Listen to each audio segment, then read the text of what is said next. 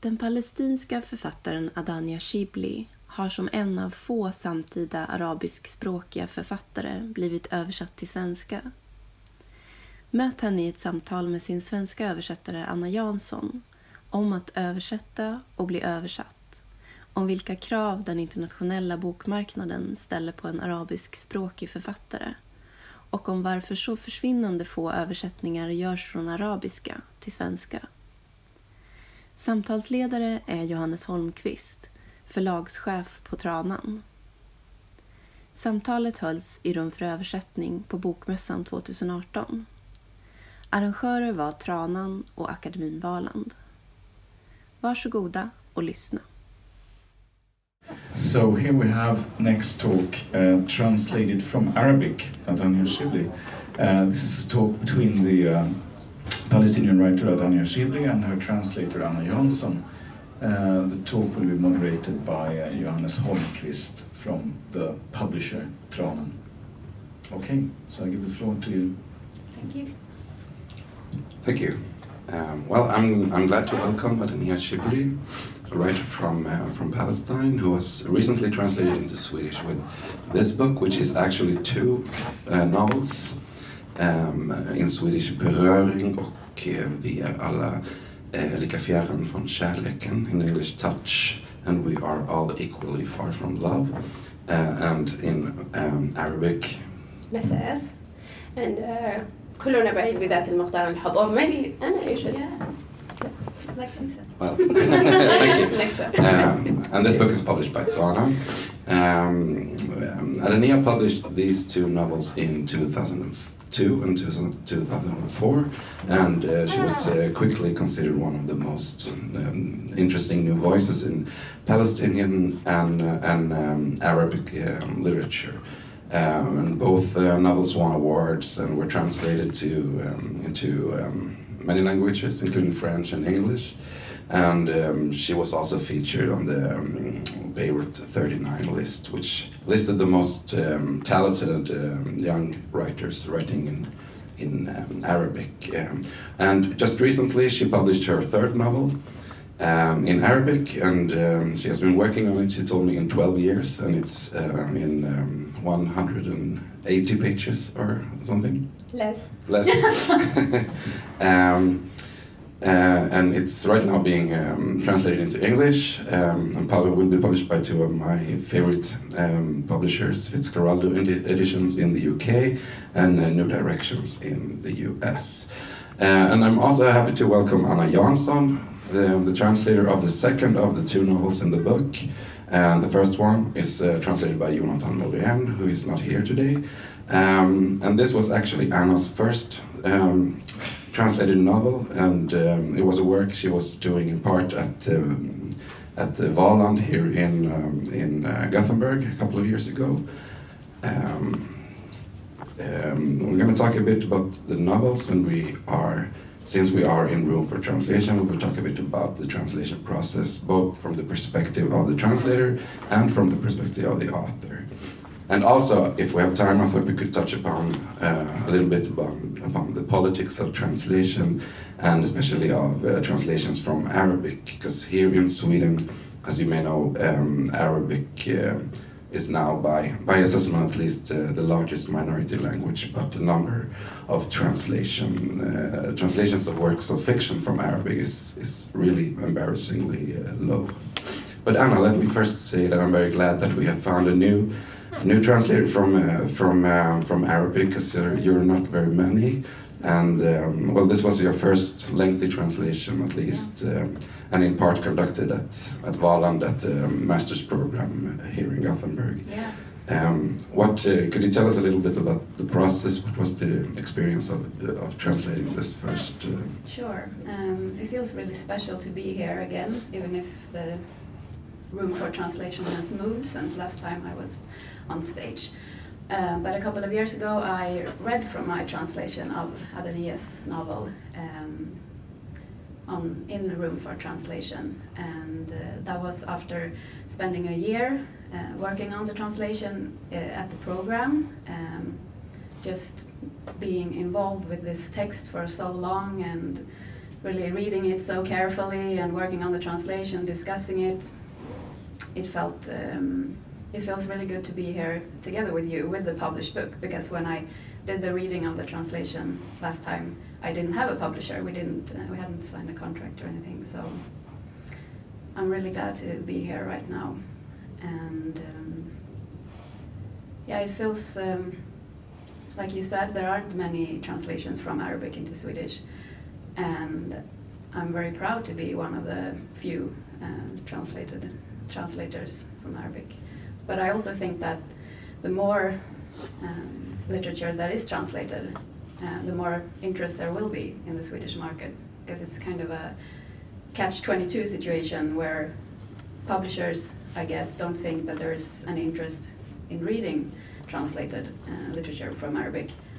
But if you don't know that there, if you if if there isn't any um, books translated from Arabic, you won't know what to long for or what to be interested in. So now that there are some books in Swedish, I think the interest will grow, hopefully. Yeah, I think um, we will talk a little bit more about that. But um, I, at first, I, I thought um, when you were doing the translation at at Valand at uh, the program, were you how did how did you work? Did you work with a mentor? Did you work with um, a group of peers? Um, like yeah, uh, how, how, how was the process? The structure of the literary program, literary translation program at Valand is you have a group of um, students and one professor. So we were four or five uh, students and uh, our professor Ted Sruke, who is a literary translator, and uh, all the students uh, choose a work to translate for the course. So this was my choice. Uh, and then we met um, one month, one weekend a month, and just um, went through the translation, mm. discussing everything. Uh, and I think translation is such a beautiful way of reading. So I told Adania before that this is uh, my story with this book is kind of a love story because I was I spent so much time with it in, before I started the program and then this year at the program and then afterwards when we got in touch and you decided to publish it, it's it's really it's really a special experience um, to read something that close mm -hmm. and then uh, afterwards giving it to other people to read. And then to meet the author. Yeah, yes. that's super special. Yeah, um, then last week we had an event in Stockholm where you had to sit and listen to a, a 20 minute reading of, of Anna's translation. Uh, what, what did you make of that? How was that? Like, obviously, you couldn't understand much of it, right? All of it, yeah. yeah. All of it, yeah. yeah. Yeah, it's, it's very interesting. I mean, it's always kind of this challenge. Um, I'm really in love with Arabic language, and uh, I would like to extend this love to everybody here. and sometimes I feel I'm really lucky I'm normally I'm not a lucky person, uh, but the, the only luck I feel that I was born in this language. I cannot imagine myself in any other language.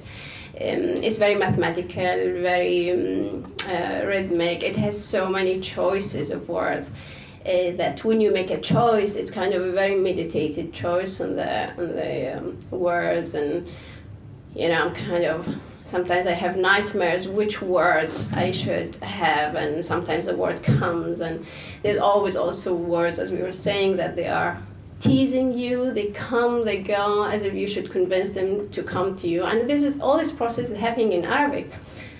And then you think, oh, this is going to change in a, another language. Um, and that's this transition. I think it's a, um, something I cannot imagine actually. But I think about it as um, you know when you're um, something you love so much and it transforms. so this is kind of the, the transformation that you also should accept as the process of, of writing. So when I heard the words in, in Swedish, I did not have all this kind of um, intimate relation and crazy relation and uh, mm, um, teasing relation with the words but it was a completely different relation as of it turned because also I don't understand it. It was intimate, but this kind of this intimacy that you have with a stranger, yeah. and so it's still you don't know what you can make out of this. But I, I remember you told me that you could almost recognize the, the rhythm of it and like could could uh, at least think that you, you you knew what passage and what what paragraph and that you made some sense of it still. But Yeah, definitely. Yeah. And this is what I say the intimacy. I could really follow maybe every word, but it was not this relation with the word that I had. Um, and then speaking with uh, Anna, because apparently she also had this kind of maybe relation with Arabic, but maybe she also had this relation in Swedish. So it's always interesting to speak to the translator, and sometimes maybe not to speak to them. There's like all this kind of. I think uh, literature has a lot to do with. Um, I mean, I know it might sound cliche, especially with the title of the novel, but it has this love and hate, and uh, where you um, you have to trust, um, despite that you're giving away something, and it's in this space of trust and generosity, you know, this kind of a space that opens between your um, intimacy and somebody else's intimacy, and I think this is also where literature is very meaningful for me. Uh, you know, it's not I want to say something to the world, but there's all these words between me and the others, and I'm sure other languages can come in between, and so it's it's totally different Yeah. relation. Though I really could recognize, as Johannes says, And I really recognize your relation to the source text or your novel because that's my relation to the translation. Mhm. And it feels like, I don't know, we have this love child together. uh, and it's really wonderful to sit here with you, but also kind of strange because when I was working on the translation, we didn't have any contact and um, I was so deep in, in the translation, in the in reading the Arabic and working with the Swedish and reading the Swedish and working with that as a separate uh, text, uh, I kind of feel that this is my text, and in a way, I mean, it is. It, I have the copyright on the translation, and this is um, this is my writing. Um, so I wanted to ask you: Do you do you feel like you have handed something over, or is is this still your novel, or do you feel like you know, did I, I steal it from you? yeah. uh, well, I, I, it's really um, for me. Even in Arabic, once the text is published, I have no relation to it. I mean, I never read my works. I wrote them, but I never read them, and I will just get frightened when sometimes I'm forced to read like a paragraph. I cringe. I really, it's a painful thing. I like, I have to do it, but I pretend all is fine. Like somebody stuttering, pretending to speak perfectly. This is what happens to me, and so and this said, you know, the minute also my relation stops to the published Arabic, and I think this is when, for me, the book is outside there and it can be picked by anybody, and it's appropriated. But this kind of, you know, this is how word. I mean, we didn't create word; we just picked them up from everywhere. So you, you, you can do it. But what's relation um, remains you can take it and somebody else can take also the, the novel and do whatever they want with it and and even interpret it and situate it historically in different contexts um, and i think this is the openness so it's not more appropriation but the ability of, of a text to be so much open to be taken by so many players outside. Um, and for me the question becomes again with a translation it's a uh, if the work is, is turned into assimilation and integration, and there's you have all this idea of the translator as a traitor, which I also don't appreciate.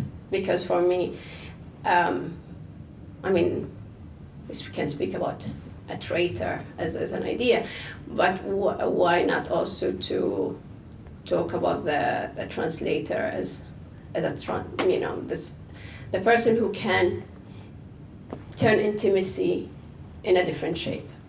And, and, and also open up language because I grew up on translations, reading translations from other languages into Arabic, and I think the sensibility to Arabic language, the love of Arabic language came also because of these translators who translate Tolstoy and um, I don't know, um, that's um, just comes lots of Russian literature, you know, what's happening in, in, in the Arab world, lots of translations. And so this sensitivity of language uh, from moving from one to another opened up also Arabic language. It was not trying to Arabize these novels or integrate them or to interpret them how they will be received in this other language. And for me, I cringe mainly about that because it's also culturally. When you think a migrant comes and he should assimilate and or integrate, but why not to open the, up the world of, of language? Yeah, and that's why it's so important to have more translations from Arabic into Swedish to just show that there is such diversity in the Arabic literature. Uh, and right now, when there are so few translations, there is kind of a small um, picture of who is the Arabic writer. Uh, and I actually talked with a publisher at a big publishing house uh, because I had a suggestion uh, of a book by an Egyptian author to translate into Swedish.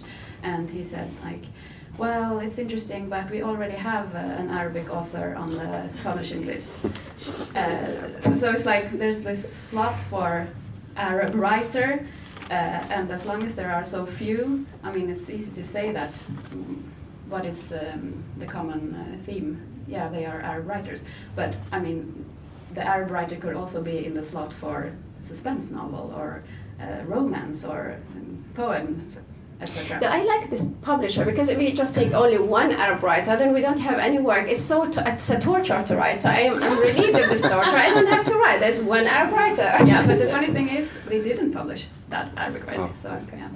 But uh, is, does this sound familiar to you? I mean, coming in um, as a writer, writing in, in Arabic on the sort of international book market or whatever you could call it. Uh, do you have come did you ever come across these um, preconceptions about what is an Arab writer? I mean, your work, I would say, is is not what a sort of typical Western uh, reader or publisher would, um, um, you know, think of a Palestinian or Arabic Arab writer. I mean, in that case, in the, in the sense that they are, your novels are never uh, written in a way to sort of uh, explain the situation to an outside reader, or you know, they're not about uh, you know Palestine or the Arab world or whatever you you would call it. They are they are novels in their own right.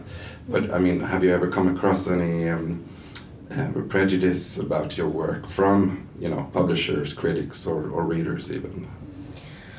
Um, no, actually, because um, maybe because how I also relate to my work. I'm not defining myself as an Arab writer or a Palestinian writer. I'm Palestinian, and this has a completely different meaning to me. It's meaning of a responsibility of you witness something and you don't turn away from it. Uh, for me, and even a writer, I'm like I'm, I write. I wrote so far like three novels. So you know, when you become a writer, like maybe I'm still with a write, so I still need to get the er at the end. uh, so I write, and for me, the, the, the relation is I write in Arabic. Uh, and, and this is really the most meaningful, and I think this is also expressed in, in the work and what I'm speaking about the, the, the role of language actually in, in allowing me to, uh, to, to to manage to have this connection as well uh, to, to anything or actually to, to make me a reasonable person. I think language is where, you know, a, like some criminals go to institutions. My institution is language. This is my corrective institution. uh, so I never met somebody who came with this um, because I think once you read that, uh, you also you are not in that position and and this is for me where talking about try to increase this space of intimacy that I would not I mean the writer and I will also shift I mean writing it and the reader uh, the, the challenge of the text to bring different positions and different perspectives mm. um, so I don't think they ever will come and tell me uh, why you don't tell and a lot I see in the reviews they're actually sharing this very um, space that I was there I was in it uh, in terms of like the, the, the words or how how Palestine maybe in this uh, case is not uh, to write about, but it is a position to write from within uh, because it forms um, your language and your uh, your the absent words and the silence within that. Uh, and I think I didn't have so far. Though there's something very funny with them, with touch, for instance, and I really and this gives me an inspiration for something else, because um, the book was written in 2002. No, it was written in 2000 between 98 and 2000 is like 20 years ago. So please take that into consideration when you read that book. It's a, uh, the, the, yeah. So then um, there's the last chapter it talks about a wall. Mm. And then the novel got translated uh, into English in 2012. So what's the meaning of a wall? How you translate now your understanding of a wall in 98 and 2012 after the wall in Palestine was constructed. And it was actually entertaining for me because what meant in that novel maybe just a wall, this wall that becomes the wall. Uh, and I think there's also sometimes what you can translate as a reader within the time. It's not only within the language, but what you understand from the time, from the place you read something. Because in Arabic it cannot be. In Arabic you would know a wall is a wall, and the other big wall has a different word. Ah, I understand. Yeah. So, so in, in translation, you become sort of a psychic, you know, who could, uh, could who knew in, in beforehand that this will happen, and you can you can interpret that after. Yeah. A witch, we call it.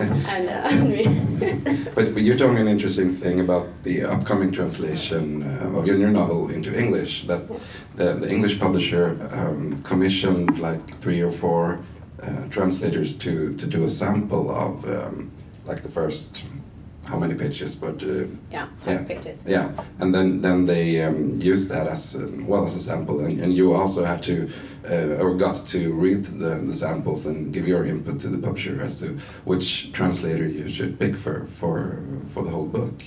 Uh, and I, I, hadn't heard about that before, and uh, it's quite an in interesting process because um, Please don't start. No, no. Okay. Maybe um, Swedish.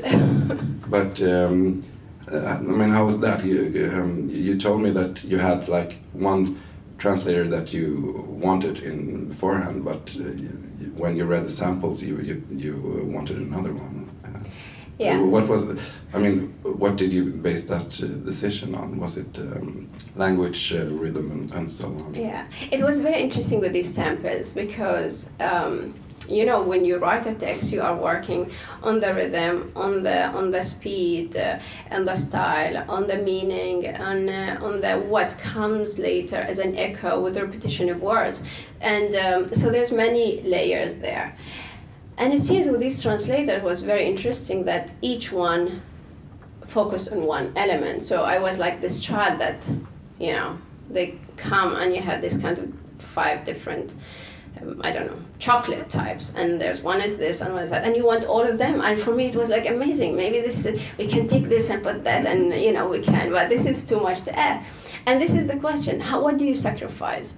Um, and that was a very challenging moment to question. I mean, there was a very correct translation with no mistakes.